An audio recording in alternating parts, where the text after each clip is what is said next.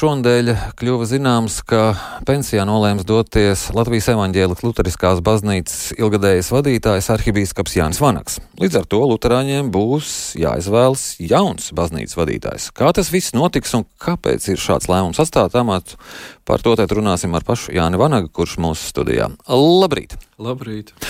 Ar ko saistīts jūsu lēmums atstāt amatu? ASV prezidents ir krietni vecāks par jums.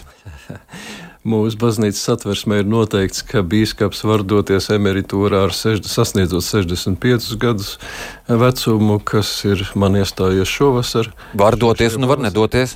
Un man ir jādodas 70 gados. Tas ir tā noteikts. Un biskupa vēlēšanas notiek sinodē. Jaunu biskupu ir ievēlēts sinodē, un sinode notiek ik pa četriem gadiem. Un, lai nebūtu uh, jārīko ārkārtas sinode tajā 28. gadā, līdz kuram es teorētiski varētu palikt amatā, tad es nolēmu uzrakstīt iesniegumu, uh, lai tas notiktu kārtējā sinodē 2025. gada jūnijā. Uh, man liekas, ka šī ziņa šodien ir nedaudz savlaicīga. Tāda nu, vienkārši tā procedūra, kā tiek izvēlēts uh, biskupa amata kandidāts vai kā tiek ievēlēts jauns biskups, ir samērā gara. Un tāpēc es to nu, iesniegumu uzrakstīju jau tagad, lai visu paspētu bez steigas izdarīt. Tā tad vēl principā pusotru gadu jūs uh, būsiet amatā. Jā. Bet kas tur tik sarežģīts sasaukt arī ārkārtas sinodi? Pārāk sarežģīti tas nav. Tas saistās ar zināmām izmaksām, tas, protams, saistās ar ceļošanu, jo mūsu sinode ir diezgan liela. Tur ir apmēram 400 dalībnieku, tur no visas Latvijas brauc pārstāvi.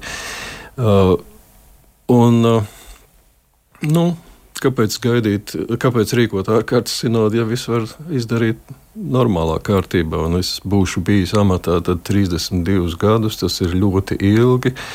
Un man pašam ir sajūta, ka vajag kādu, kas ir nu, jaunāks, varbūt enerģiskāks, dinamiskāks, jo nu, gadi jau arī liek sev manīt. Tomēr. Ne tik konservatīvs.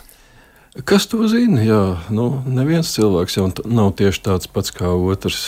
Manuprāt, konservatīvisms ir laba lieta, jo konservatīvisms nozīmē uh, atzīt, ka iepriekšējās paudzes ir uzkrājušas kādas gudrības, kādas atziņas, kaut ko, kas ir palīdzējis izdzīvot, kādu izdzīvošanas stratēģiju, un ka nākotne ir jābūvē uz to balstoties. Manuprāt, tas ir saprātīgi pieeja progresam. Nu, runājot par Latvijas Lutāņu baznīcu, min, ka tā esot viena no konservatīvākajām pasaules Lutāņu baznīcām. Jūs tam piekrītat? Tā nenoliedzami ir pieskaitām konservatīvajām, bet, nu, zinot nedaudz luterisko vidi pasaulē, es teiktu, ka, ja lieto vispār šo vārdu, tad mēs nebūtu nesam tā pati, pati konservatīvākā. Ir tādas luterāņu baznīcas, kas, kas ar mums atsacītos kopā Dievu lūgt par to, ka mēs esam tik liberāli. Mm, kuras tās būtu? Nu, ir tāda evanģeliska luteriskā sinode, Amerikā, piemēram, varbūt pat Viskonsīnas sinode. Tepat Latvijā ir kāda teiksim, tāda konfesionāla luteriskā baznīca, kur mūs uzskata par nepieņemamu liberāliem. Mm. Šo pusotra gada laikā jūs varat pārdomāt arī? Es teorētiski varētu, kolēģi jau faktiski man arī lūdzu turpināt līdz 28. gadam, bet nu, man tā ir tāda pašam sajūta, ka ir pienācis laiks kaut kam mainīties gan manā, gan baznīcas dzīvē. Un, ja es kaut ko labu šajos 32 gados esmu izdarījis, tad esmu izveidojis labu komandu. Sākot no Ulmaņa apvērsuma līdz padomu laika beigām, faktiski baznīcas pārvalde bija diezgan monarhistiska. Uh, bija viens arhibīskaps, un tad bija ap viņu kāda padomnieka, bet principā tāda vienvadība. Nu, mēs esam tagad pieci bīskapi, esmu iesaistījis prāvestus ļoti uh, cieši baznīcas vadībā, un nav tā, kā man bija kadreiz, kad arhibīskaps Gailīts aizgāja bojā autokatastrofā. Es biju bijis uh, saldus mācītājs, tad notika ārkārtas sinode, un pēc divām dienām es sēdēju arhibīskapa kabinetā un nezināju īsti, ko darīt. Es esmu tagad daudzus cilvēkus ļoti tuvu iepazīstinājis un ievadījis eh, baznīcas vadības norisēs, un mums noteikti ir cilvēki, kas to darīs ne sliktāk kā es, un varbūt pat labāk. Jūs sakāt, daudzus ievadījis. Uh, šajos. Jā, es esmu, ja, ja es tā kaut ko labu esmu izdarījis, tad esmu iesaistījis ļoti plašu tādu kolēģu loku baznīcas vadībā un lēmumu pieņemšanā. Viņi ir lietas kursā par to, kas notiek. Un tad ir, no da ir, ir daudz no kā izvēlēties. Nu, neapšaubām, mums ir daudz garīdznieku, un ik viens var būt nu, kas ir iegūmis mācītāju amatu pakāpi, ik viens var kandidēt būt par bīskapu. Ko jūs redzētu savā vietā? Nu, es atturēšos šobrīd nosaukt vārdus, bet es redzu, ka ir, ir kādi amata brāļi, kas noteikti to darīs nesliktāk par mani. Nu, aiz baznīcas vārtiem runā, ka tas varētu būt Rināls Grants. Nu, Rināls Grants ir mans palīgbīskaps šobrīd. Protams, viņš ar mani vistuvāk kopā strādā, viņš arī vislabāk pazīst.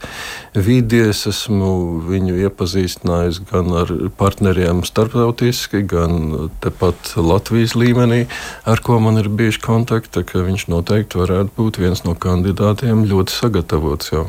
Mm. Ko jūs vispār sagaidītu no sava pēcteča? Es gribētu uh, lai viņš eh,